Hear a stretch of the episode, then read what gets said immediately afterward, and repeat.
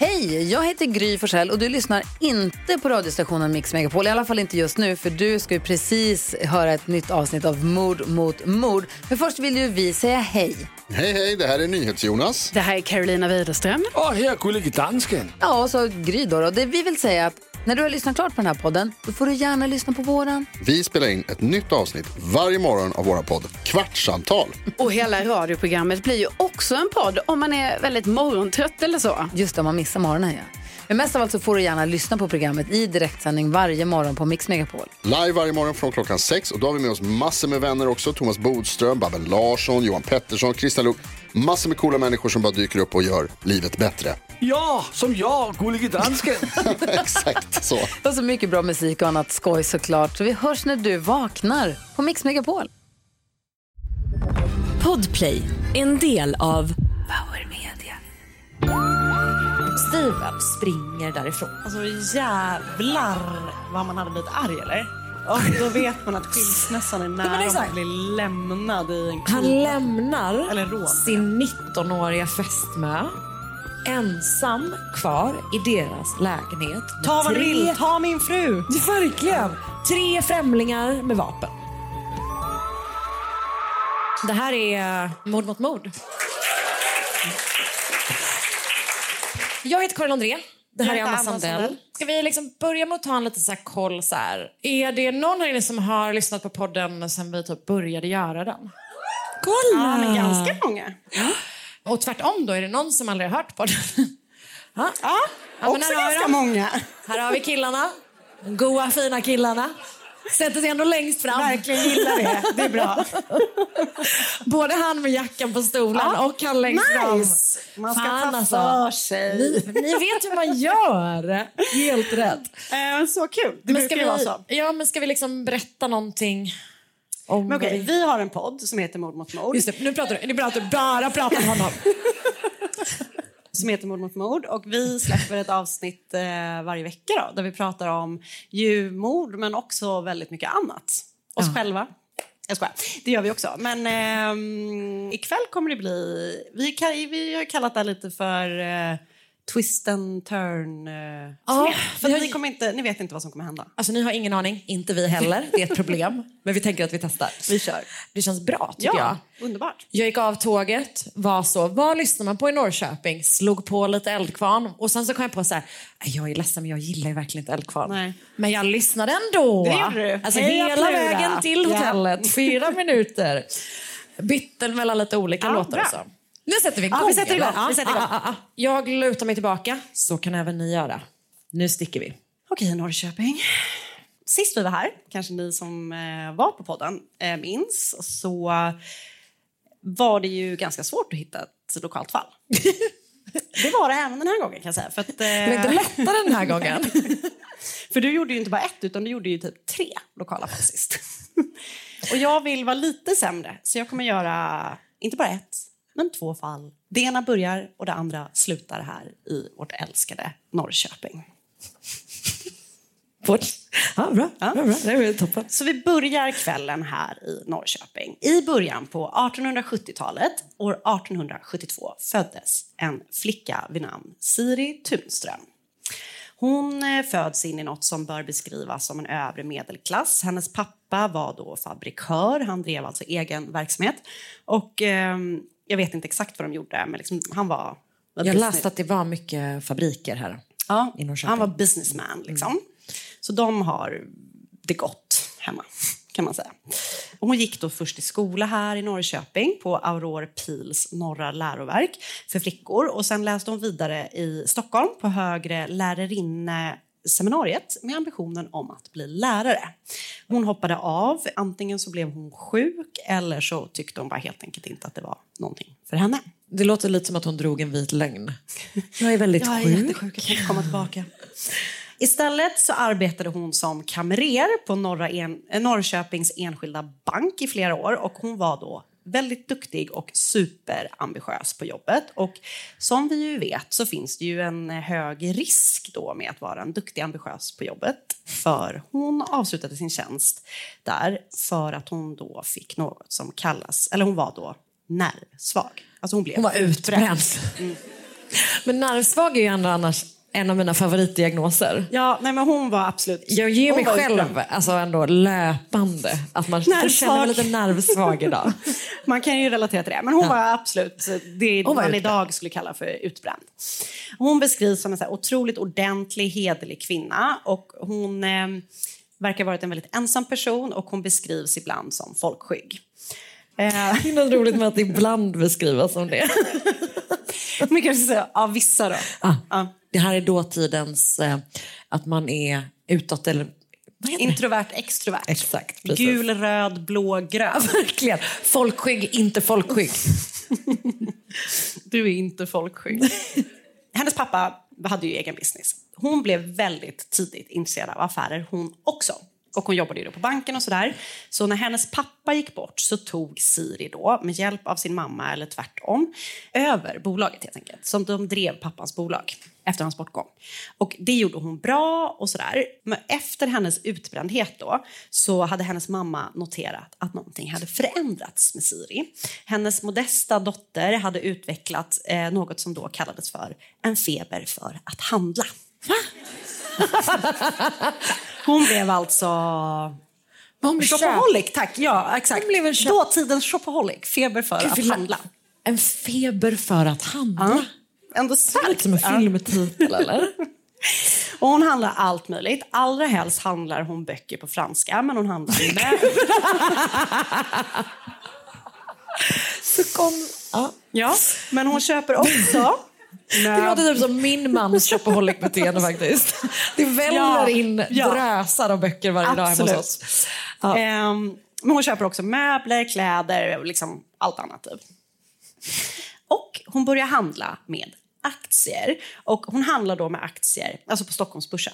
Och Stockholmsbörsen var tydligen den tystaste börsen i världen. Men det var inget gorm. Nej. Fast det är utmärkt för henne som är så folkskygg. Ja, det är precis så det är, Karin. Vi kommer dit. Du är lite way ahead. Men för det är nämligen så här då att eh, Stockholmsbörsen hade då introducerat en ny teknik där man då ringde in sina ordrar istället för köp, sälj, kasta papper och typ så här. Så hon då ringer in sina ordrar på börsen, helt enkelt. Med väldigt tyst röst. Ja, jag skulle vilja ha tolv. Nej, om det går bra. Eh, annars går det också bra med Inga. Nej, men hon är skillad. Hon är inte försiktig liksom, när hon handlar, utan hon är riktigt eh, bra på eh, aktieaffärer. Och hon tjänar ordentligt med pengar. Och det verkar inte som att det bara är liksom för inkomsten. Det är inte bara det att liksom, hon tjänar mycket pengar som driver henne. Hon drivs liksom av Ruschen. spelet. Hon spelar på börsen helt enkelt. Och hon tjänar så bra med pengar så hon bestämmer sig för att lämna det otroligt fina, men lite mindre Norrköping för, eh, för huvudstaden Stockholm. Jättebra. Annas hemstad. Exakt. Och hon tar med sig sin mamma. Och tillsammans flyttar de in i en stor svit, en trerummare på Grand Hotel. Oj, det går riktigt bra. Det går riktigt bra. Och Grand Hotel är ett ganska nytt hotell. Väl installerad på Grand så får hon, som jag vad jag förstår, en direktlinje från sitt rum till börsen, som jag tror ligger i Gamla stan. Och hon ringer då flera gånger om dagen, ringer hon in flera olika ordrar. Och när man tänker den här tidens direktlina, då tänker jag ju typ en burktelefon där och en Det burktelefon kan det ju där. typ mycket väl ha varit. Som Hon satt på Grand, hade en burk, hade vatt, liksom över vattnet gick Ja. tråden. Mm, absolut, det var precis så det var. Och det som då började som ett intresse som hon då liksom också råkade vara väldigt bra på kom helt plötsligt att liksom styra hennes tillvaro helt och hållet. Hon vill bara köpa, sälja, köpa, sälja, köpa, sälja. Och hon lånar då pengar för att kunna liksom fortsätta göra det här. Och hon tjänar stor kovan. Alltså hon tjänar så mycket pengar. Och det verkar alla som var på börsen ha gjort i princip. Jag läste, en, ja, jag läste en artikel på Affärsvärlden. Annas Eh, startsida. Verkligen. Och det var svårt på många sätt liksom, att förstå. Men det verkar som att det har varit så här, att det rusade under första världskriget. Det var de här stora, typ AGA, SKF, alla de här stora, liksom, deras aktier bara rusade. Eh, men 1918 så var det någonting som hände då som gör liksom, med börsen. Det var, eh, det, det var någonting som hette... De bara, åh nej, kriget kommer snart ta slut. Nu kommer alla våra business krascha. Ja, det, men det verkar ha varit någon sån rush på börs... eh, Okej, läs artikeln. Vi länkar den, vi länkar den i vår grupp. Men det som händer då, alla har tjänat skitmycket pengar, sen börjar alla förlora skitmycket pengar. Bubblan sprack. Det spricker. Vi är inte ens framme vid den stora börskraschen än. Det kommer lite längre fram. Så ska jag, Oroa er inte. jag skojar, det kommer inte sen. Så att alla då som har tjänat skitmycket pengar börjar förlora jätte- jättemycket pengar. Men hon låter sig inte nedslås av det här, utan hon är bara så här, men det vänder. Det vänder alltid. Åh nej. Så istället för att liksom börja takta ner så tänker hon, jag ska vara med på uppsvingen. Jag lånar mer pengar. Och hon bara lånar och lånar och lånar och flyttar pengarna mellan banker, banker, banker. Så snart så har hon lånat väldigt mycket mer pengar än vad hon har liksom täckning för. Det här stressar henne inte alls. Hon kommer vinna tillbaka och säkert dubbla det hon lånat när börsen vänder. Men alltså, det är ju någonting med det här som är att så här, ja, om det hade gått bra för henne så hade ju alla bara, gud vad smart hon var som lånade pengar Ja. och hängde kvar. Ja, Så att, gör det, hörni. Ta råd på aktiehandel från oss. Verkligen. Eh. Sms-lån rakt ut på börsen. Jag, har typ aldrig, jag vet liksom inte vad en aktie är riktigt.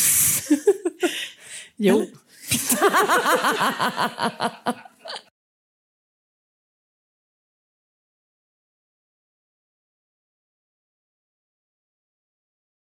Det vänder inte. Börsen fortsätter att rasa och Siri fortsätter att förlora pengar. Och hon har maxat alla krediter hon har. Hon har flyttat runt pengar på ett väldigt fiffigt sätt. That's your Norrköping girl. Men till slut så når man då en punkt då hon inte kan fortsätta längre. Under sommaren 1990 så uppdagas en... Nej, 1990.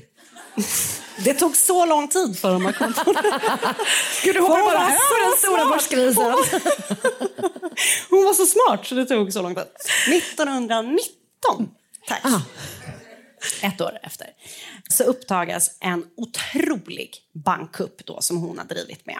Genom då checkmanipulationer så har hon lyckats lägga beslag på mer än 3,7 miljoner kronor i dåtidens Åh värde. jävlar! Det motsvarar ungefär 30 miljoner kronor idag. Alltså, gotta give it to her. Norrköping. Nej, Det är ehm, sjukt ju. Ja, det är helt sinnessjukt. Det är så mycket pengar. Och efter hon som hon har varit så bra kund då i så många år så är det liksom ingen som har ifrågasatt hennes beteende. Och hon är då den här liksom modesta kvinnan som handlar jättemycket. Men så hon har liksom bara fått pengar då från bankerna. Pumpat ut. Men när det här uppdagas då så stängs hon direkt av som kund och de som har skött hennes ärenden de stängs genast av som personal från banken också för att de typ inte har då liksom upptäckt det här. När hon ställs mot väggen då och konfronteras med det här hon har gjort så kan hon inte förklara vad som har hänt. Hon är bara så här, nej men jag har inte gjort något brott. Liksom, hon är helt frågande inför anklagelserna som kommer. Och när hon läser igenom, hon får läsa igenom polisens anklagelser så ändrar hon löpande ord i texten. För de typ kallar det för brottet och skriver att hon gjort... Och då är det bara att hon bara, brott? Nej, typ så här, eh, lån... Liksom ändrar, Affär. ändrar Smarta allting. val. Ja. En feber att handla. Feberattack. Eh, Nej, men, så hon liksom bara är så här, gud vad, jag fattar inte vad ni pratar om. Så är hon. Soft inställning till polisen. nej, nej, nej, ni har fel. Herregud! Eh, nej, men så hon skaffar sig bara en advokat och säger typ så här, jag behöver komma ut på börsen och handla igen för att täcka de här kostnaderna Ja, nu som jag gud, får i snälla. samband med den här eh, rättegången. Ja. Säkert. Jag bara, jag vet inte. Men, inte jag eh, Nej, jag avslöjar mig. Jag tror inte att hon tillåts att handla på börsen igen då, men i rätten då anses hon vara skyldig till bedrägeri och döms till straffarbete. Alla som vittnar i målet däremot menar att hon inte har varit vid sina sinnesfulla bruk när hon har handlat på det här viset. De menar att hon kan inte ha varit det för att det är typ för olikt henne. De är bara så vittnar om hur eh, hedlig hon är, hur ärlig hon är och därför döms hon då inte till fängelse.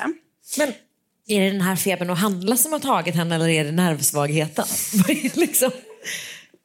Det är oklart. Jag tror att det är febern att handla. Att de, ah. Gud vad härligt att ha så shopaholic som Skriv av mina försvar. kreditskulder för I'm just buying things. Verkligen. för att jag har Tänk när, feber. tänk när Lyxfällan kommer. Nej, nej, nej. Jag hade nej, feber. Nej, nej, jag hade feber och handla.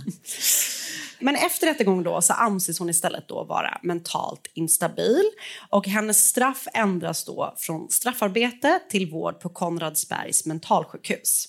Den här sinnessjukdomen anses då vara tillfällig och framkallad av överansträngning.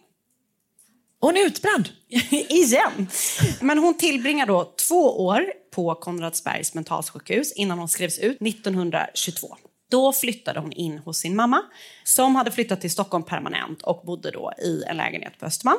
Efter det levde hon ett stillsamt liv hon gifte sig aldrig och gick bort 1948 när hon var 76 år gammal. Siri Tunström, sa vi det? Storhandlaren från Göteborg. Nej, Det är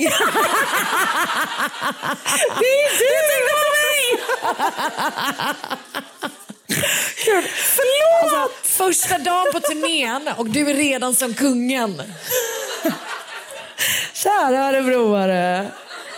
jag tänkte på dig! Storhandlaren från Göteborg. Men vet du vad? Alltså- Storhandlaren från Norrköping. Det... Hade du skrivit det i manuset till Ja, jag har döpt henne till det. Åh gud, det är Ah, skit också. Men vi fortsätter, för jag har en till Göte... Okej, det här kommer bli, det här kommer bli ett trauma. För alla inblandade. Okej. Vi fortsätter. För jag har ett till Norrköpingsanknutet fall. Fall. Det är mer en berättelse också.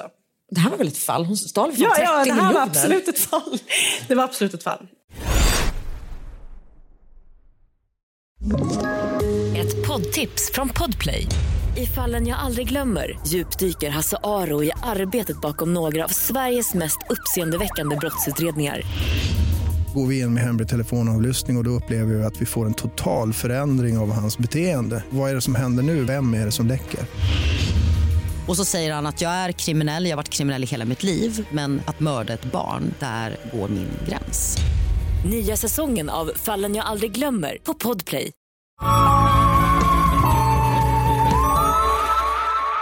Nu är det dags. Nu är det så här. Då. Vi fortsätter kvällen. Vi kommer att hamna i Norrköping igen, men vi kommer att börja i Stockholm. Så vi liksom byter plats helt enkelt. Ni får bear in mind här då hur lite gamla spännande brott det finns här. Det brann många gånger. Det är fruktansvärt. Tycker synd om er. Det var lite svårt att lista ut vad, vad som pågick egentligen. Ja. Men det här kommer bli toppen. Jag tror det. Och halloweenigt. Halloweenigt. Om ni fattar vad jag menar. Ooh, spooky, spooky halloween! Nej, men så här är det då. I Stockholm då, 1708. Det, vi har liksom gått långt tillbaka. Det är ju mer än 300 år. nu vill du bara visa att du är bra på matte. eh, föds då en person som heter Johan Jakob Graver. Han har massa syskon när han föds i familjens hem då i Gamla stan. Han har alltså tio syskon. Det verkar så jävla jobbigt. Det verkar så sjukt jobbigt. Men det känns som att de var tvungna att toppa upp. Det var så många som dog. Men gud vad hemskt. Ja, det, det är sant. det. Ja, det är absolut sant. Han växte upp, blev en väldigt duktig affärsman, även han, precis som Siri. Men det var då inte en helt enkel resa, för han var liksom född i fel klass. Han hamnade i luven med polisen flera gånger för att han då bedrev olaglig handel. Alltså man fick bara göra affärer om man var borgare. Han då är född i fel klass. Han eh, hamnar i trubbel med polisen flera gånger för att han då bedriver den här olagliga handeln. Till slut får han då sitt burskap. Det här, ni får se det här lite som en historielektion också. För De älskar det. Ja, det är som crossover med historiepodden. För han är väl från, eh, han är ju östgöte. Väl? De claimar honom inte. Nej, verkligen. Okej, jag kan claima honom. Jag tycker, jag tycker de är toppen. Han fick då i alla fall licens för att bedriva handel. Han blev alltså en riktig borgare. Och det öppnade upp då så att han kunde göra ordentlig handel. Och han är skitbra på det. Han gifter sig med en kvinna. Tillsammans med henne får han tre söner. Två av sönerna går tyvärr bort. Även hans fru då, Ulrika Petronella som hon hette. Och jag vet typ inte om det är dubbelnamn. Om man hade det som i Norge, att alla hette dubbelnamn i Sverige förr. I Norge gör de det fortfarande. alla. Ulrika Petronella Ja. har den Eh, hetat i Norge alltså. Hon blev väldigt sjuk. När barnen var små, då, även innan de här två äldsta pojkarna hade gått bort, så beställde, nej, anställde. jag är jättenervös. Men jag vet, vet du vad? Det går toppen, du är underbar. Tack. De anställde, och kanske beställde, en guvernant, en barnflicka då, som skulle bo hemma hos familjen. Och trots att de levde då ett gott liv i Stockholm så bestämmer de sig för att lämna staden för det lite mindre men otroligt fina Norrköping. Finare tycker vissa. Ja. Jag bland annat. Anna skulle, Anna bara, jag kommer inte ens säga det för att få över dem på min sida. 1763 flyttar de då till en gård här utanför Norrköping, två mil norr om stan. Rodga säteri. Är det någon som har varit där? Mm. Då vet ni vart det barkar. Eller? Eller? Något år efter flytten så avled även Ulrika Petronella efter en lång tids sjukdom. Och sjukdomen var, hette då vattusot och det är alltså att hon hade ödem i hela kroppen. Det dröjde dock inte länge innan Jakob hittade ett nytt kärleksintresse och han behövde inte leta långt borta. För 1764 gifte han sig med familjens guvernant som var en 34-årig kvinna vid namn Maria Magdalena Urenia. Tänk att, så, tänk att folk har gjort så i alla tider. alla tider. Marry the nanny. Vem var då Maria Magdalena Urenia? Det finns ju då inte så mycket att läsa sig till om någon på 1700-talet, men ännu mindre om kvinnorna. Men en av de få sakerna som finns att hitta om hennes liv innan hon gifte sig med Jakob Graver var då att hennes farfar 1676 lämnade in en hemställan till Trolldomskommissionen som alltså var de som drev... Men alltså förlåt, men hette det så på riktigt? Ja, jag säger ju Trolldomsministeriet för att jag är en eh, Harry Potter-fantast. Men det, ja, det hette Trolldomskommissionen. Det är alltså häxsituationen. De drev liksom, häxprocessen i Sverige. Fan Eh, vilket sjukt verk att jobba på. Ja. Men säkert ganska ärofyllt. De har ju Back många verk här i Norrköping. Ja. Också läst mig till. Trolldoms... Kommissionen. Fan, det är ett jävla bra namn alltså.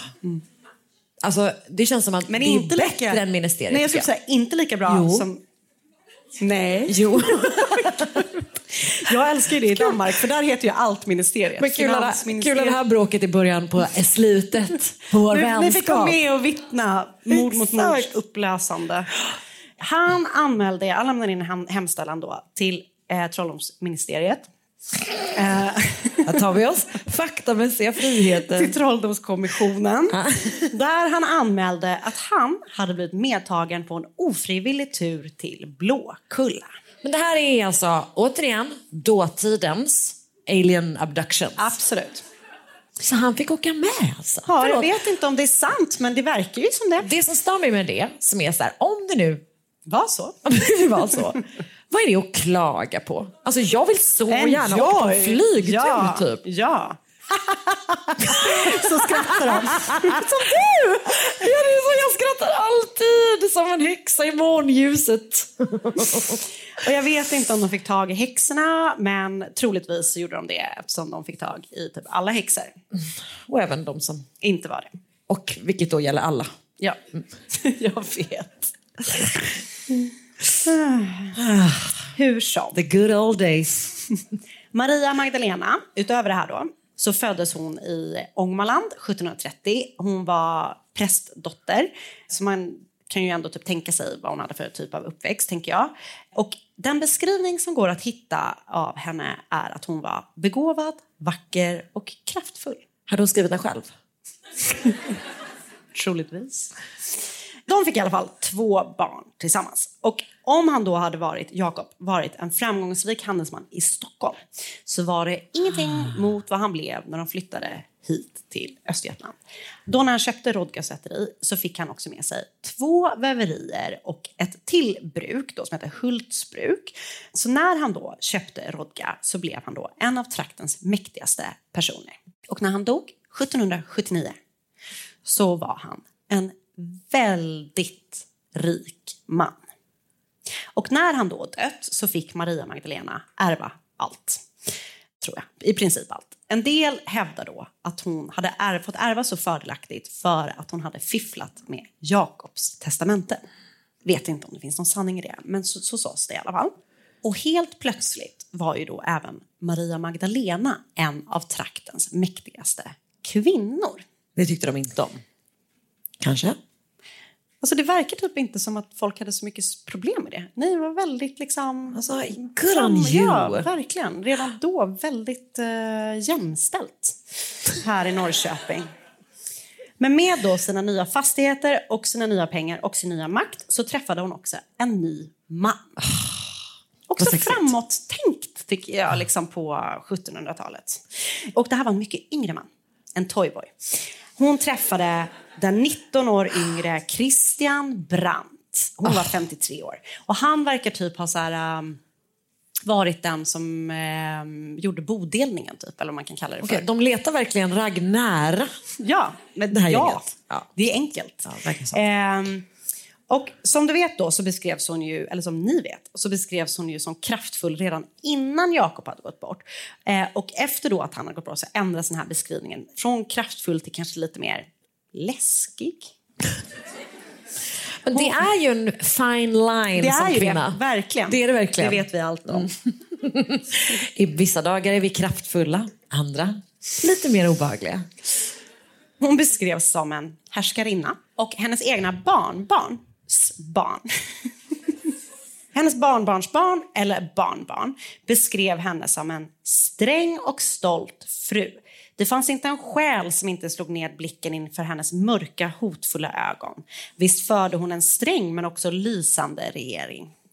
Och det Då här är liksom, man. det är de som uttalar sig om sin mormors mor. Ja. Det här var liksom den Close varmaste. to home. Alltså, ja, verkligen. Okej. Mm. 1819 gick hon bort och när hon dog så hade hon begärt då att hon skulle begravas med båda sina män. För tydligen hade också den här väldigt... Christian då, som ju var nästan 20 år yngre än henne, hade gått bort före henne.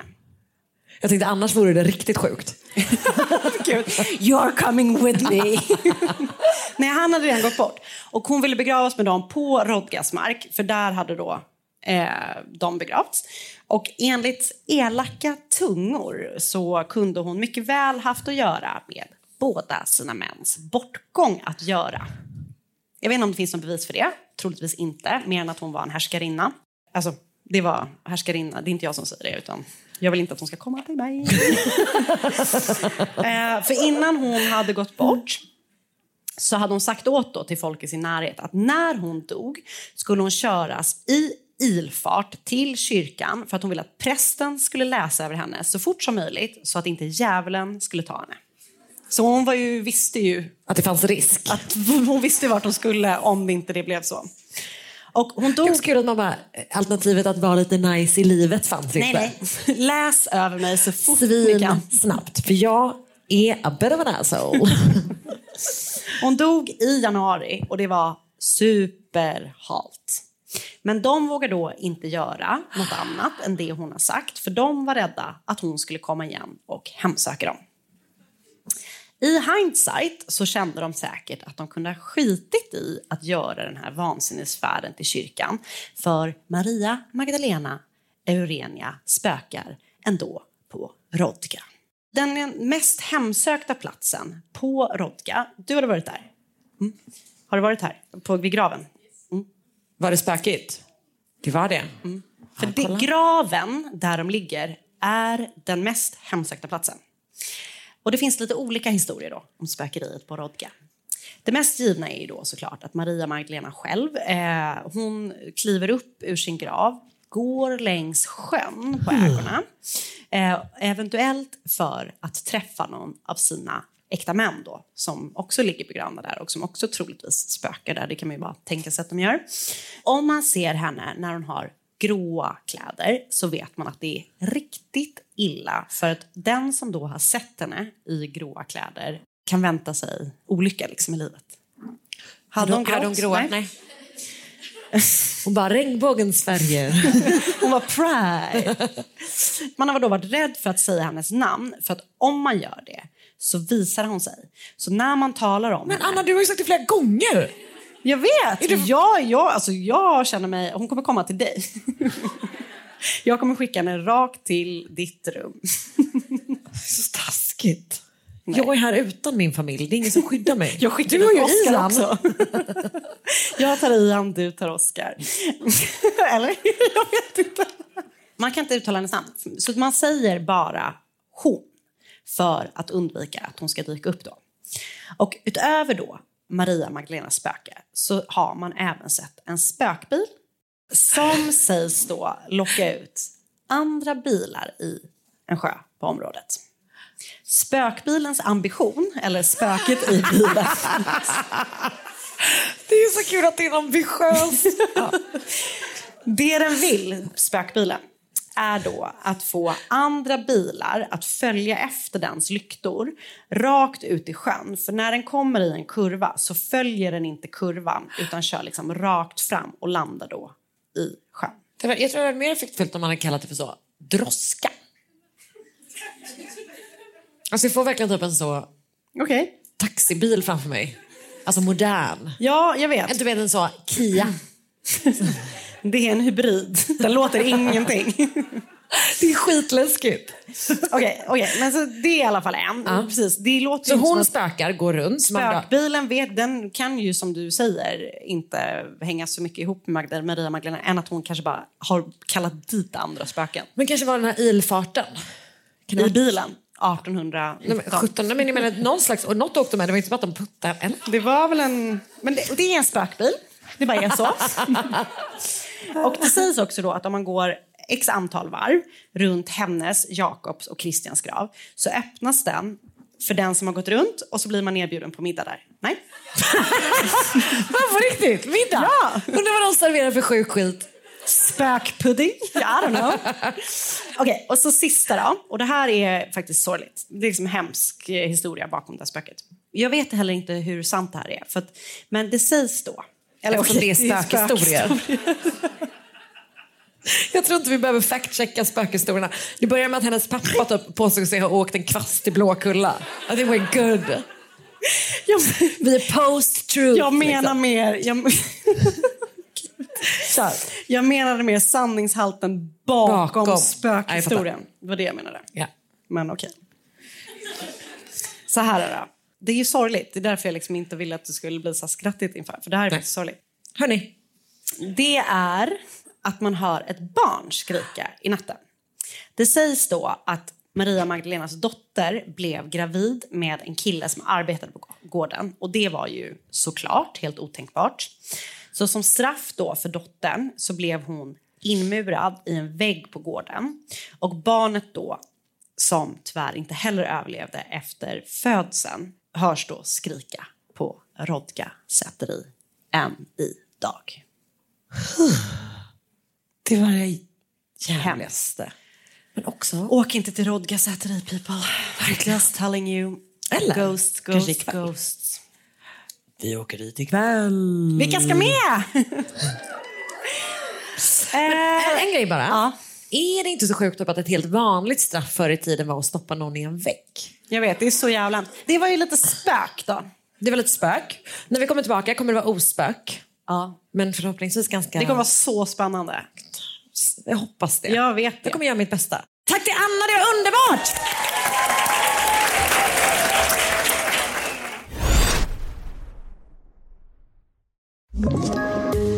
Ett poddtips från Podplay.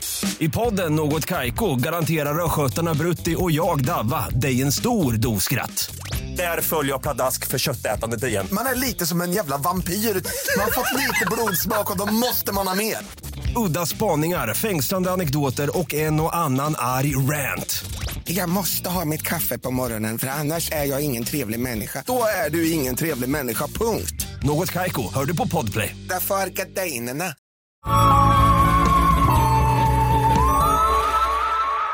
Det är ju alltså jag som ska liksom ta hand om den här halvan av showen som vi absolut inte gillar att kalla det här.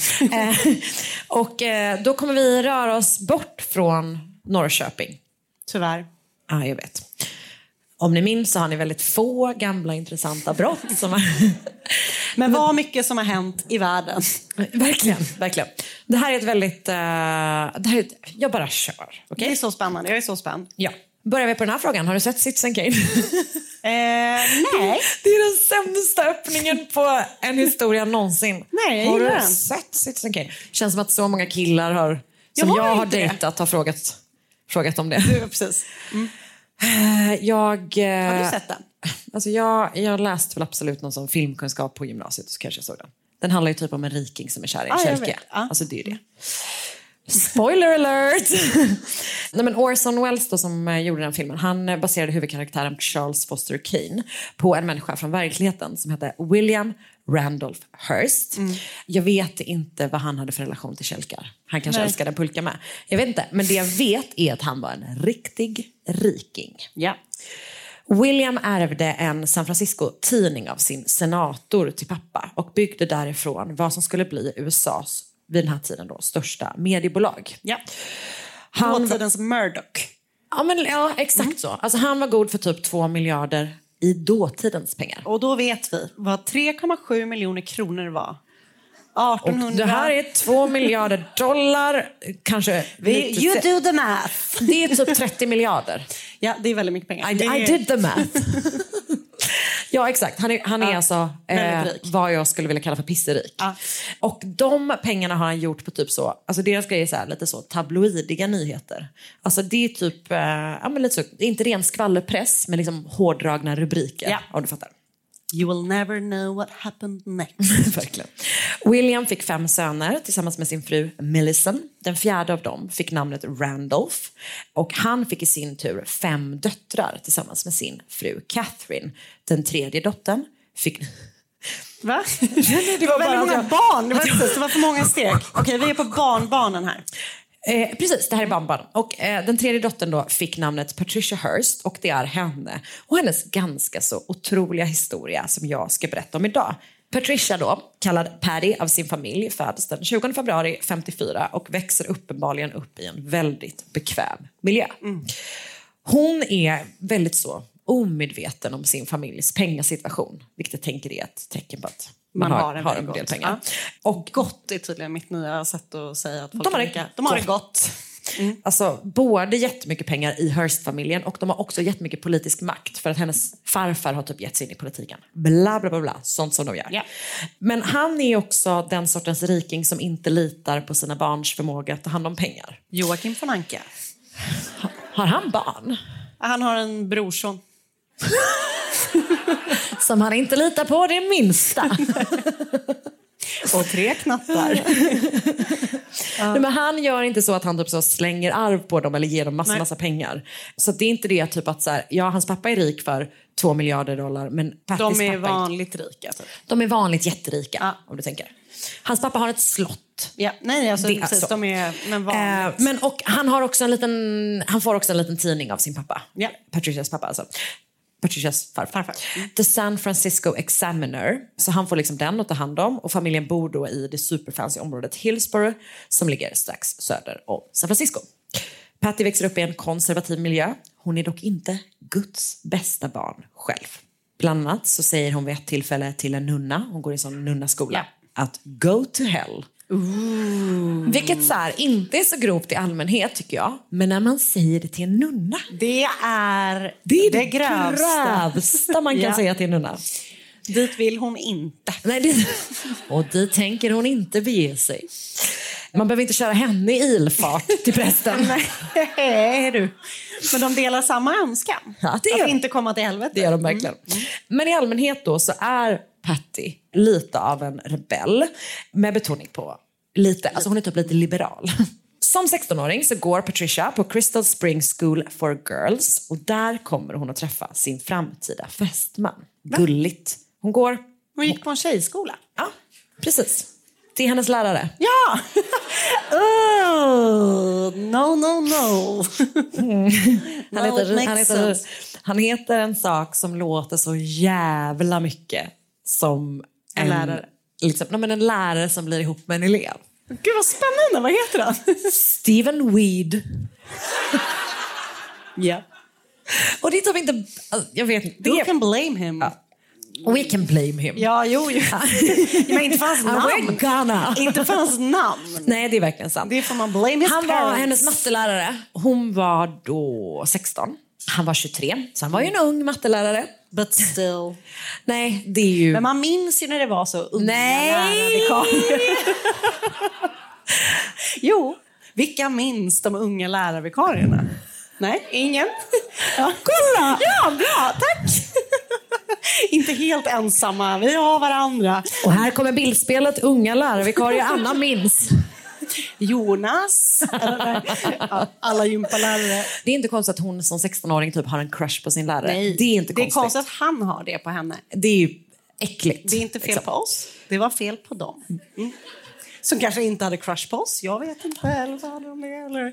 Den här podden handlar inte Anna. om mig, den handlar om Patty Hearst. Japp, nu kör vi. Det här är en annan podd. Där ni två hanterar era trauman. Terapitimmen. ja. Tre år senare Ja. deklarerar paret sin förlovning. Okej. Eller typ två år. Två eller tre. Patricia är alltså 19 själv nu och Steven är då 26. Och jag har deras förlovningsbild. Oh. Den är tagen i Pattys föräldrahem mot typ andra halvan av 73. Och hennes mamma... Mm. Så hennes mamma är typ rasande för att hon tycker att han är liksom... Alltså hon tycker typ att han är en sån slusk. Här har vi honom. Hon tycker att det är för jävligt att han har mustasch. Han har tydligen, man ser inte det, men han har tydligen jeans på sig med. Och när han kommer in i huset för att ta den här bilden, då har han ingen slips på sig, för han går ut och hämtar i bilen. Ah, okay. Han ser ju inte ut som en ung lärare. Han ser ju Men ut är som inte en det en sån grej när man är lärare. Ja, men det- är det inte så när man är en ung lärare att man bara, jag slänger på mig mustaschen så jag add 10 years. Är det inte också så här alla såg ut vid den här tiden? Att Jag alla som var det. typ så, de var 12 men såg ut som 47 typ. Och hon har den gulligaste luggen. Hon är så gullig. Ja. Hon är verkligen jättegullig. Men vet du, kan det ha varit att hon tyckte han var en slusk för att han var hennes lärare? Ja, nej, absolut också det. Ja. Eh, Men det verkar som att mustaschen är det värsta. Okej. Så den här bilden tas och publiceras i eventuellt San Francisco Examiner, alltså den här tidningen som de äger. Lite oklart. Hur som helst. De bor då vid den här tiden, De två? de två, typ tidigt 74, sent 73 någonting. Tillsammans i Berkeley i Kalifornien för att studera. Och Patty pluggar då konsthistoria på Berkeley universitetet. Och en anledning att Patricia blev kär i Stephen Weed var att han var liberal. Alltså han var en helt annan typ av person än vad hennes konservativa föräldrar var. Och hon förväntade sig nog då att deras liv kanske skulle vara lite mer som det var här i Norrköping på 1700-talet. Lite mer jämställt. Just det. Som för många andra eh, framåttänkande män så gällde samhällsförändringen förstås inte i det egna hemmet. Nej. Eh, utan där förväntades hon ändå, Ja, ja, 19 nej, år gammal, var typ en liten fru. Hon tyckte att deras liv var ganska tråkigt. Eh, hon, är liksom, hon är som en fru in all the chores, om man säger. Steven dock, han tycker att det är toppen. Han skriver senare så här i sin bok som handlar om det som kommer hända sen. Det här är hans ord om deras relation. Återigen, hon är alltså 19 år gammal, pluggar på universitetet. Pleasantly routinized with our studies, movies on weekends, laundromat and grocery runs. Party. Man bara, vi har ett toppen. Vi tvättar så ofta. Den 4 februari 1974 var en kväll som vilken annan i Weedhurst-hushållet. Paret sitter i soffan och kollar på TV när det knackar på dörren. Steven öppnar och utanför står en kvinna som verkar superstressad. Hon berättar att hon råkat köra in i en bil i liksom garaget eller parkeringsplatsen där de bor helt enkelt. Hon vet inte vems bil det är, men hon har kört på någons bil och måste typ göra någonting med det. Så. Patty blev skitsur. Hon är så här, hur såg bilen ut? För hon försöker ta reda på om det är hennes bil helt enkelt. Rimligt. Men kvinnan är typ så här, jag vet inte, det var mörkt. Så Patricia vänder Den sig hade om. fyra hjul. Och ratt. eh, men så Patricia vänder sig om och typ är så här, jag ska bara hämta lite papper och så får du skriva ner dina uppgifter. Typ. När hon gör det så stormar plötsligt två män med vapen in i lägenheten. Vilka vapen? Alltså, Pilbåge, ja typ, eller? Hov. kaststjärna. Kast. Såna nunchucks. Fan vad det känns som Steven Weed har nunchucks. I do karate on the weekends and then I do laundromat. Laundry. Nej, de har skjutvapen. Okej. Plötsligt är kvinnan också beväpnad och de här tre då börjar skrika om att så här, eh, ni måste öppna kassaskåpet. Typ. Men Patricia och Steven är vanliga människor. Eh, de har inget kassaskåp hemma i sitt studenthem. Liksom. Även om hennes familj är rik. Patricia vänder sig mot Steven, försöker typ kommunicera med sin blick. Så här, Gör någonting. Och han tar då chansen. Han kastar sig fram mot en av männen och liksom hamnar i ett slagsmål med dem. Men han slås snart till liksom marken och de misshandlar honom. Och han skriker så han bara Typ, ta vad ni vill. Typ. Alltså, han har förstått att så här, det här är ett rån. Liksom. Ta vad ni vill i lägenheten, bara ni lämnar oss. Typ. Eh, men sen händer något. För Steven får plötsligt en öppning och springer därifrån. Alltså jävlar vad man hade blivit arg eller? Kastat kaststjärnan efter honom. alltså. Och då vet man att skilsmässan är nära men om exakt. att bli lämnad i en Han kniv. lämnar Eller rån, sin 19-åriga fästmö ensam kvar i deras lägenhet. Ta vad tre- vill, ta min fru! Verkligen! Tre främlingar med vapen. Och snart då så släpar de ut Patty från lägenheten. De kastar in henne i en bagagelucka, stänger och kör iväg bilen. De, på vägen därifrån så typ skjuter de med vapen ut genom fönstret. Eh, men det, är, och, och, och det typ väcker uppmärksamhet hos grannarna och även att de typ har skrikit. Liksom. Så att grannar eh, typ kommer ut och typ hör Patty liksom försöka typ göra oljud i bagageluckan. Eh, men det är då för sent. Patricia Hearst har blivit kidnappad. När bilen väl stannar leds hon med ögonbindel på sig in i en lägenhet. Där placeras hon i ett litet, litet utrymme och får typ till en början panik för att hon har nyss hört om en kvinna som blev kidnappad och alltså levande begravd. Nej. Så hon tror att de är på väg att lägga Nej. henne i någon slags låda typ. Så hon typ är där inne och bara skriker, hon har en munkavel, men liksom så bankar typ. Och till slut så är det någon som bara knackar på och bara, det är en garderob! Hade det lugnat eller? Jag vet inte. Man är ju fortfarande Man är, man är fortfarande kidnappad. Ja. Men jag tror att det lugnar något, lite grann i alla fall. Även om det förstås är en fruktansvärd situation på alla sätt. Hon är liksom livrädd och har ingen aning om vilka som tagit henne och vad deras motiv är. Men det kommer hon snart bli varse. I två dagar hör familjen inte ett knyst från Patricia. De har ingen aning om vad som har hänt. Men så händer något.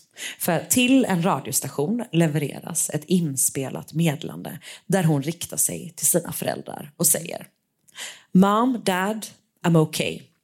I'm with a combat unit with automatic weapons, and these people aren't just a bunch of nuts. I want to get out of here, but the only way I'm going to do I'm going to do it is if we do it their way. Och samtidigt så levereras ett meddelande från kidnapparna själva som deklarerar att de ser på Patricia Hearst som krigsfånge. Meddelandet avslutas med Death to the fascist insect that preys upon the life of the people. Det här är en grupp som eh, gillar att make a statement. För det kommer då från den vänstermilitanta gruppen The Symbionese Liberation Army, eller SLA. Och de har då ett krav som är att deras fängslade medlemmar Russell Little och Joseph Ramiro ska släppas i utbyte mot Patricia. Men vilka är då The Symbionese Liberation Army? Jo, eh, det här är ju en period av liksom politiskt tumult i USA. Medborgarrättsrörelsen och protesterna mot, mot Vietnamkriget har typ pågått ett tag. Och det finns sjukt många liksom, aktivistiska grupper som blir allt mer frustrerade för att utvecklingen i samhället går sjukt långsamt. Och det är typ en ganska våldsam tid från både poliser och typ aktivister. Och Berkeley, där de ju är, är verkligen så politiskt och aktivistiskt epicenter för Ja. den här typen av engagemang.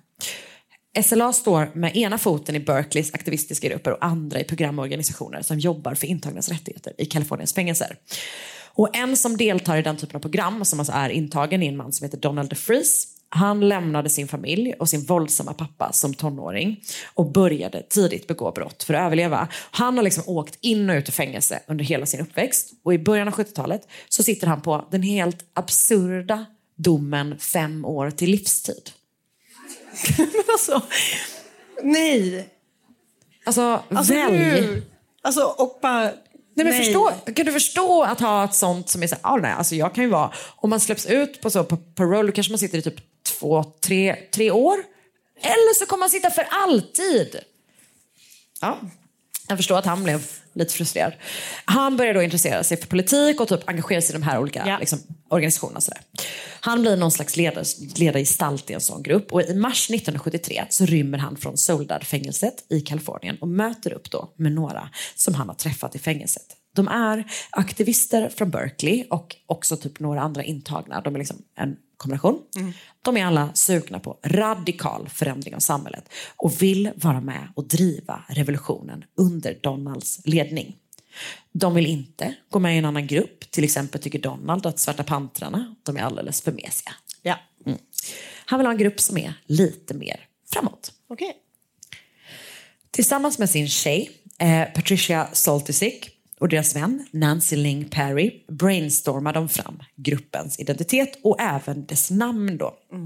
The Symbionese Liberation Army. Vad känner du? Alltså typ att jag inte alls fattar vad de vill. Nej. Nej. Så känner Det jag. låter ju som ett land. Ja. Det låter ju som att man bara, ah, jag har missat den här nationen. Symbionesien. Det är ju liksom, det är meningen att det ska låta. The Symbionese Liberation Army. Det är så kul att tänka den brainstorm-sessionen tycker jag. Du och jag har precis varit på konferens. Ja, ja, nej. Man Popcorn. brainstormar. Popcorn. Popcorn style. Ja. Men så landar de då i det här. Det är absolut ett hittepåord. Ja. Alltså, Det betyder ingenting. Nej, alltså, Symbios. så här, men ja, exakt. Symbios är ju ett ord. Ett ord, absolut. Så. Symbio... Nes. Nes. är det inte? Jag har inte hört det. förut. Nej, nej, men det är, inte, det är inget ord. Utan ehm, det är ett hittepåord som ska då vara, låta som ett land. Eh, men, Det är ett namn helt enkelt. det, men det hintar om symbios. Och det är för att de ska liksom slåss för ett Symbo- gäng... Symbio... de ska slåss för en, liksom, en symbios av frågor. Antirasism, leninism, marxism, feminism, antikapitalism. A lot of the isms ska de liksom stå upp för. Och det är symbiosen Symbionesen. Ja, det, är inte, det är inte solklart. De skaffar sig en riktigt cool logga. Det är en sjuhövdad orm, typ. Coolt. Ska vara helt ärlig, typ. den ser ganska cool ut. De skaffar sig också coola smeknamn. Donald kallas för General Field Marshal Cinque Emtume. Cinque ska jag säga är, han har typ tagit det från en, en man som ledde ett så, liksom uppror på typ Okej. slavskeppet Lamistad. Okej, så så, han, ja. men, ja. Det blir för mycket. Liksom.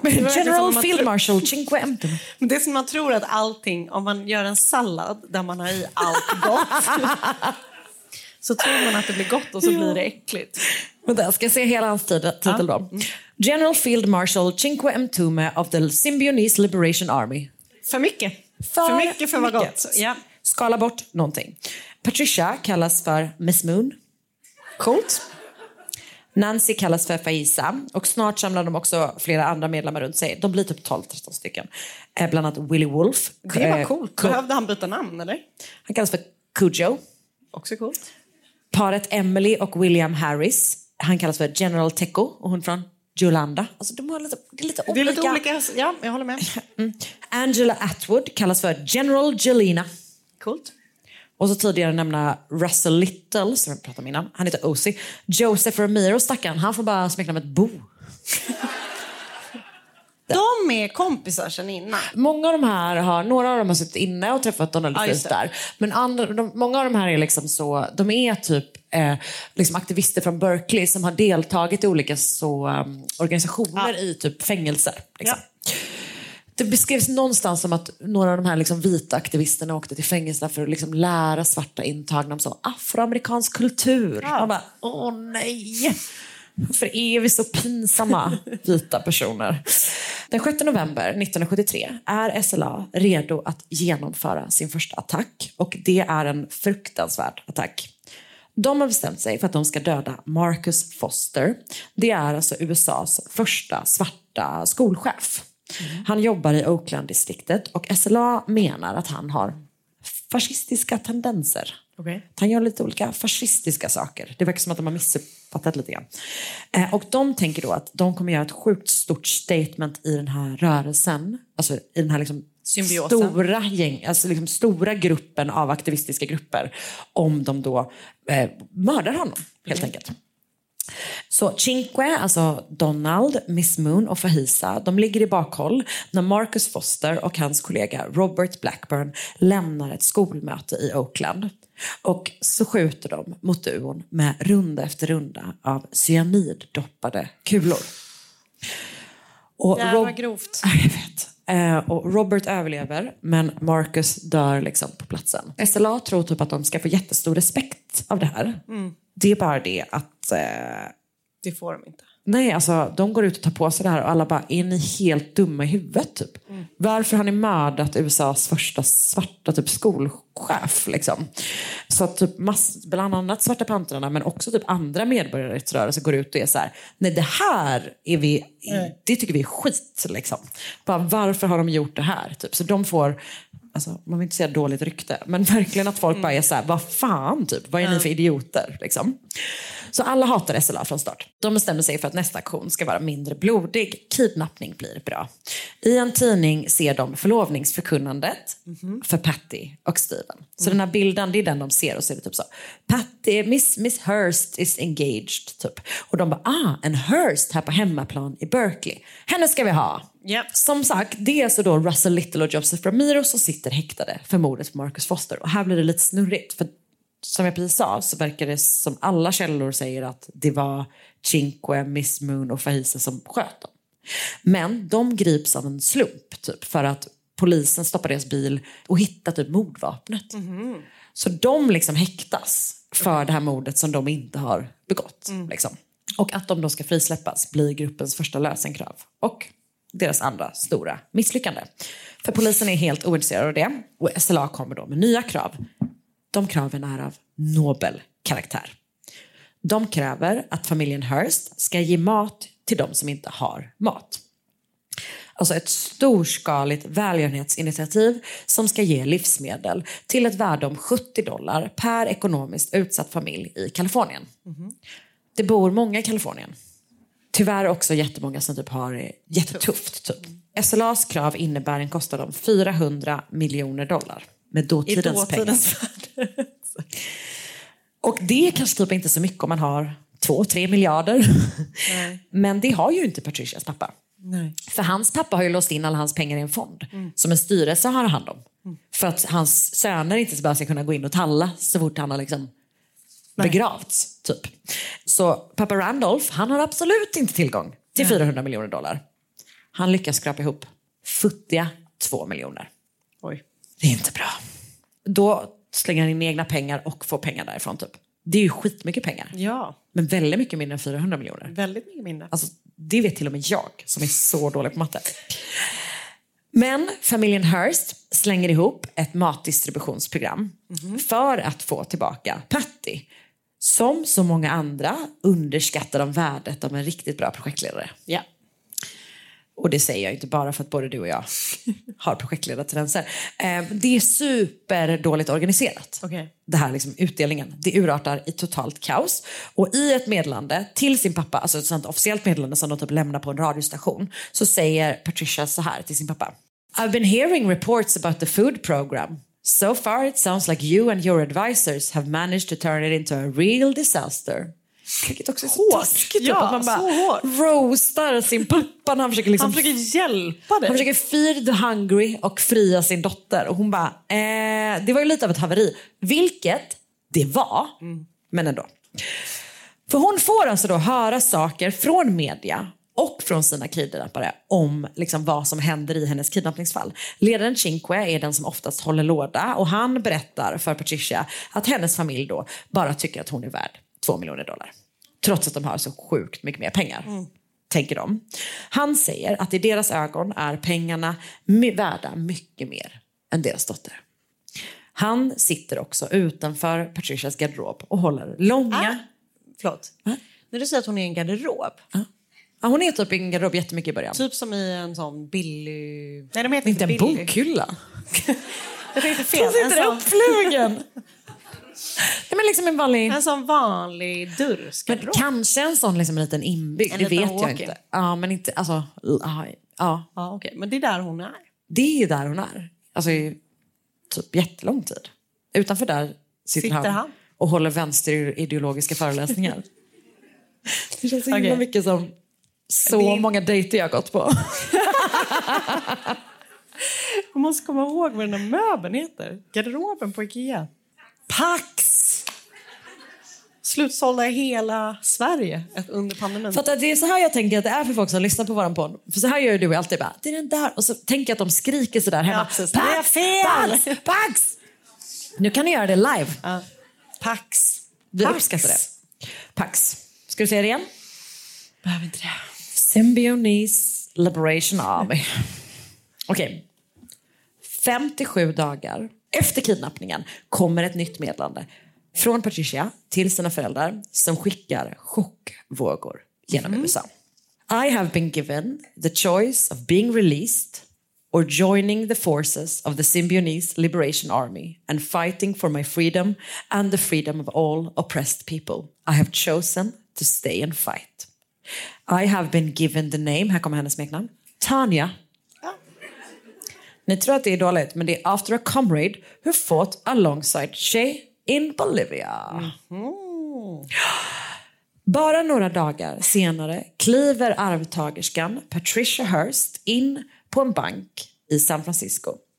Hon bär vapen och identifierar sig som Patty Hearst. Alltså hon klargör fall att hon är Patty Hearst.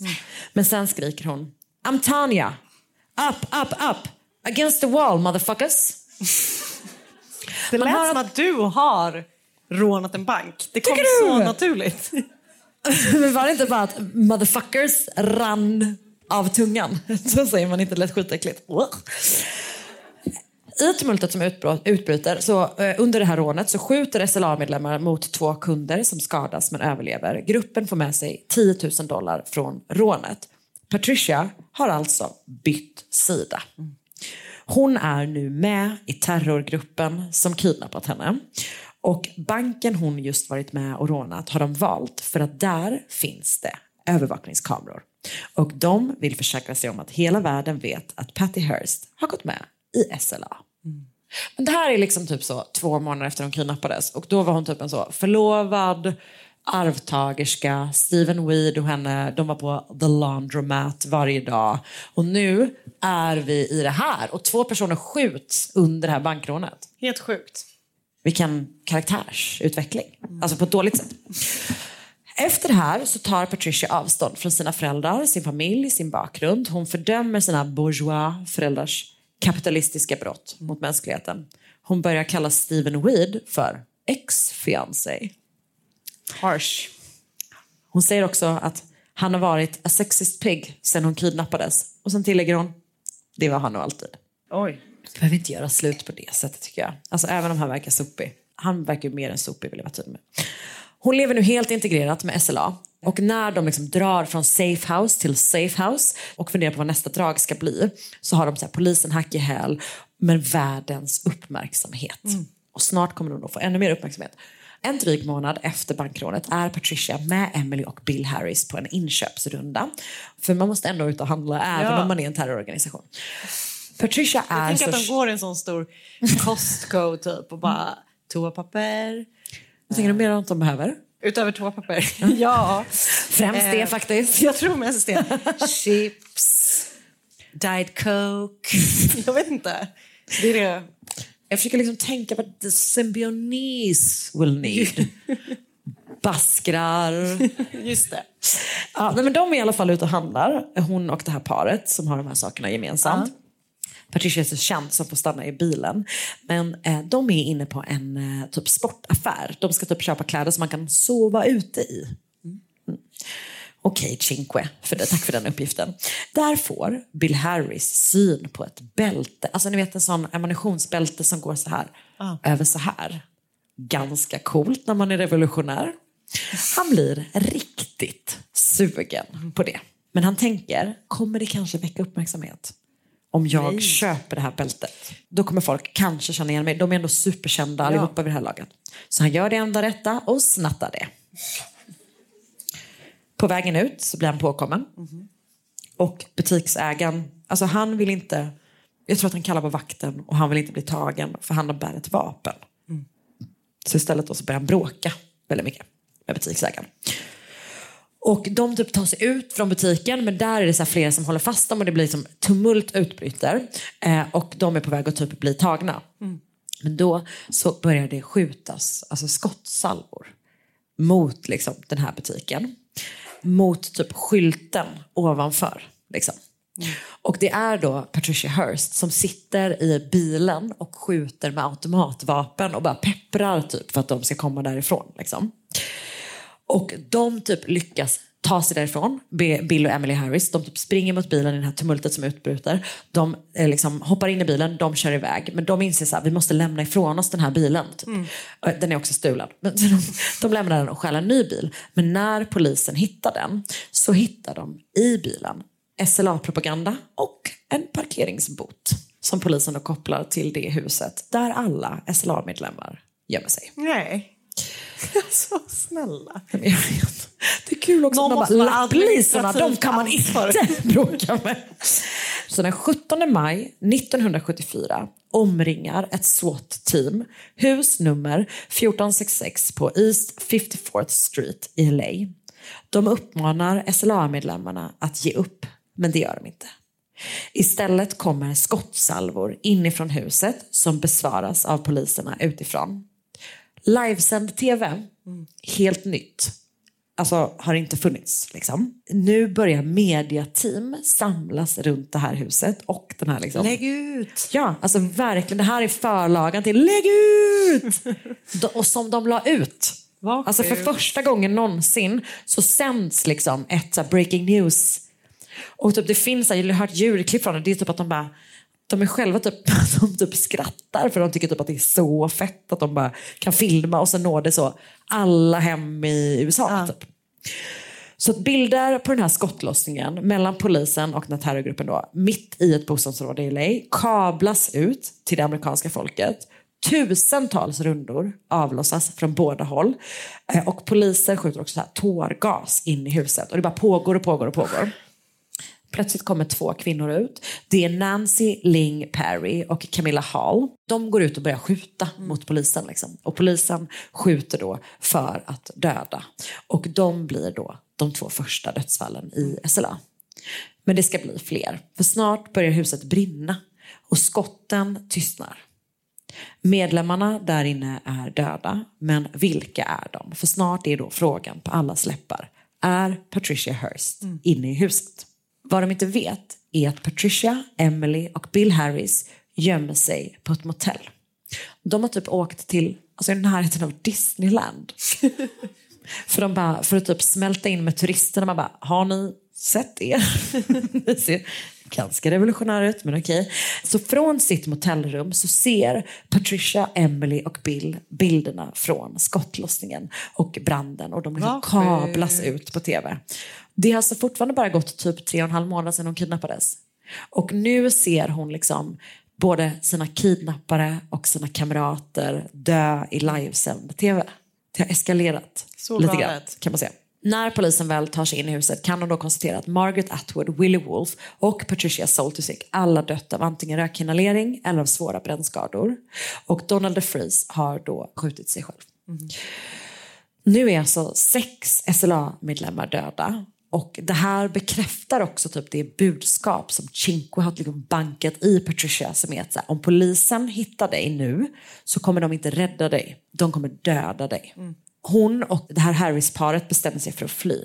De typ lämnar ut ett sista meddelande och sen är det så här, det sista som världen hör från gruppen på ett års tid. För de lämnar stan, de åker österut och gömmer sig på någon gård i Pennsylvania. Där eh, Bill Harris blir den nya ledaren. Han är tydligen jättejobbig. För att han bara vill att de ska så springa runt i skogen och ha olika övningar. Men att de aldrig typ får skjuta med riktiga vapen utan de måste typ springa runt med kvastar. Så. Alltså, Det suger, suger tydligen så man, mycket. hade, man hade ju hatat att någon som inte var ledare helt plötsligt bara, nu är det jag som är ledare och nu ska du ut och springa. Han verkar typ inte som att han är lika så manipulativ och karismatisk. Typ. Att det känns som att det är det falnar lite, skulle man kunna säga. De återvänder till västkusten våren 75 och de är absolut på dekis. Så är det. Det tillkommer några medlemmar för att typ folk som är så här i det här aktivistgänget, de typ är så här sugna på att hoppa in nu när det finns martyrer typ. Men det är inte riktigt samma sak och värre ska det bli. För 1 april 1975 ska SLA återigen råna en bank. Den här gången för pengar snarare än uppmärksamhet. Patricia är inte inne på banken under rånet. Hon kör flyktbilen. Eh, men det är någonting som liksom fruktansvärt som går snett där inne. För en 42-årig fyrabarnsmamma som är på banken för att lämna in pengar som hennes kyrka samlat in skjuts av Emily Harris under rånet och dör. Hon heter Myrna Opsal.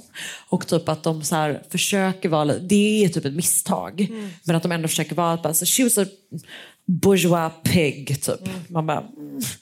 Det känns som att det är liksom, ja det är fruktansvärt verkligen. Det dröjer ytterligare sex månader. Men sen är då Patricias tid på flykt över. För den 18 september grips hon, paret Harris och flera andra SLA-medlemmar till slut. Det har gått 591 dagar sedan hon kidnappades. Och hon har då gått från att vara den här liksom arvtagerskan som har alla pengar i USA till att bli en vänsterterrorist som inte drar sig för att typ skjuta. Och det är så jävla... Alltså den radikaliseringen att de bara stängde in henne i den här garderoben, matade henne i två månader, plockade ut henne och var så här, här är ett automatvapen typ. Det är så, jävla spännande. När hon grips så anger hon att hennes namn är Tanya och hennes yrke är Urban Gorilla. Hon knyter näven för kamerorna. Det är kul att knyta nävarna. Dubbel är så dumt. Hur som helst, det står alltså klart att så här, hon har liksom haft många chanser att fly. Under den här tiden. När rättegången mot henne Ja. drar igång, den handlar om, då om bankrånet där hon liksom kommer ut som SLA-medlem. Och då är försvarets hållning och även hennes egen då att hon har blivit hjärntvättad av sina kidnappare. Hon trodde att hennes familj inte ville veta av henne och att hennes bästa sätt att överleva var att gå med i SLA. Vilket ju typ är intressant för att det är ju egentligen den typ uppdaterade versionen av Stockholmssyndromet. Som ju är, alltså originalversionen är typ såhär, de blev köra i Clark typ. Men det de säger är ju typ att de bara, nej det var vårt bästa sätt att överleva. Ja. Han kände som att han var säkrare än polisen. Liksom. Det är typ samma sak som hon säger, att hon är så här. Ja, nej, de sa ju till mig att kommer polisen så kommer de skjuta oss. Typ. Och sen fick jag det bekräftat också. Sådär. Så att hon är så här, det blir liksom knäckfrågan. Typ. Var hon terrorist eller var hon ett offer? Hon företräds av kändisadvokaten F. Lee Bailey. Kommer du ihåg? Alltså han har ju... Han är ju med i O.J. Simpsons Dream Team. Ja, okej. Vänta, var det någon som bara... Woo, Man bara, nej, nej. The team bakom If it doesn't fit you must quit. Vilket i och för sig typ är, Det är bra, det ja. bästa rimmet i Ja, ja, krimhistoria. ja, det får man ge dem. Okej, Det är så himla synd att they did a quit bara. Nej, han har också företrätt typ så... Och han är så kändisadvokat. Ja, men har också, alltså, om man vill kalla det, liksom, det är brett spektra kändisar. För en annan han har jobbat med är ju Albert DeSalvo, alltså The Boston Strangler. Så att eh, jag kändis i det här fuckade rummet på något sätt. Men han är övertygad. Vi kommer vinna det här. Vem fan kommer skicka den här stackars Hon är typ arvtagerskan? 22 Ja, typ. Ja. Alltså, det är så jävla sjukt att hon är. Inte kommer väl en jury skicka henne Nej. i finkan. Men det gör de. Hon anses skyldig och en domare fastställde straffet till sju års fängelse. Så Amerika har liksom vänt sig mot sitt mest kända kidnappningsoffer. Ganska snart vänder dock opinionen. För den 18 november 1978 då blir ju världen varse liksom smärtsamt medvetna om hur eh, mycket skada en manipulerande ledare kan ha liksom, när den vänder sig till hjärntvätt liksom, Mm. och vad det kan få folk att göra. För att över 900 människor hittas ju i Ja, Jonestown såklart. i Guyana. Och det här är typ med och påverkar liksom, bilden av Patty som är så här. Eh, nu vet vi om att många, typ tving, eller att många mördades och tvingades till det. Eh, men många blev ju också manipulerade av Jim Jones. Typ. Och att, att folk får någon slags bild av att typ, man kan göra så jävla mycket skada. Så att eh, efter 22 månader i fängelse så omvandlar president Carter Patricias dom och hon får då villkorligt. Hon börjar bygga upp sitt liv igen, gifter om sig med en polis som jobbade med hennes säkerhet under Wow. frigivningen. Det är det som händer. Det är också det som är temat. Någon, man blir ihop med någon, som är i närheten. Så kul att det var det som var temat. Man trodde det var det här. Nej, nej. nej, nej. Nej, nej, det är relationer. Det är relationer som är Det är temat. relationspodden och det är relationer som finns nära till hands. Bra.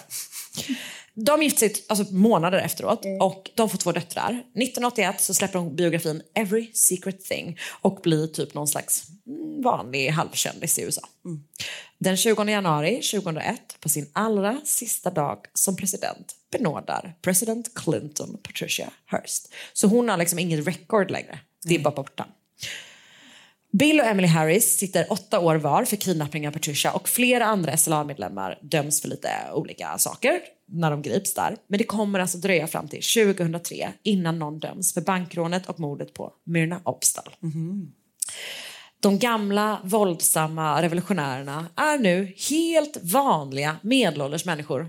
Många av dem har det bourgeois ställt kan man säga. Eh, de har familj, de har barn, de har karriärer. När de plötsligt då grips och typ ställs inför rätta. Och det känns så spännande att de har haft så det här förflutna som har jagat dem typ jättelänge och så till slut så bara it catches up to them. Emily Harris erkänner då att det var hon som höll i vapnet eh, som dödade Myrna Opsal men att skottet var ett misstag. Hon döms till åtta års fängelse, övriga döms till mellan 14 och 4,5 års fängelse. Men idag är alla SLA-medlemmar fria.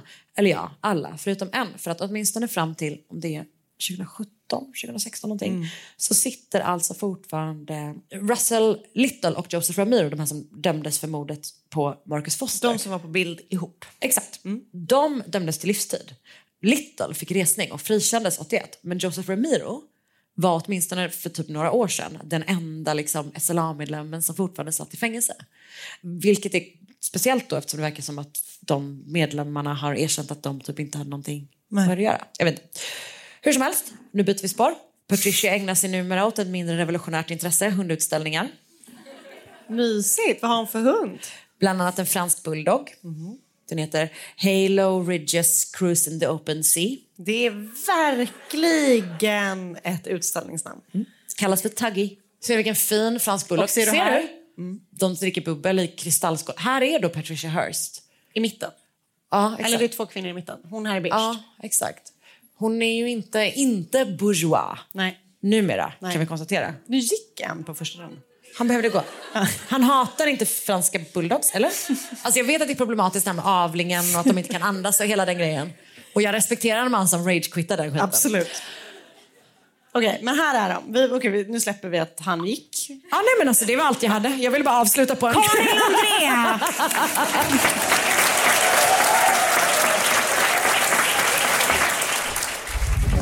Podplay, en del av Power Media. Poddtips från Podplay. I podden Något Kaiko garanterar östgötarna Brutti och jag, Davva, dig en stor dos skratt. Där följer jag pladask för köttätandet igen. Man är lite som en jävla vampyr. Man har fått lite blodsmak och då måste man ha mer. Udda spaningar, fängslande anekdoter och en och annan arg rant. Jag måste ha mitt kaffe på morgonen för annars är jag ingen trevlig människa. Då är du ingen trevlig människa, punkt. Något Kaiko, hör du på Podplay. Därför arkadeinerna.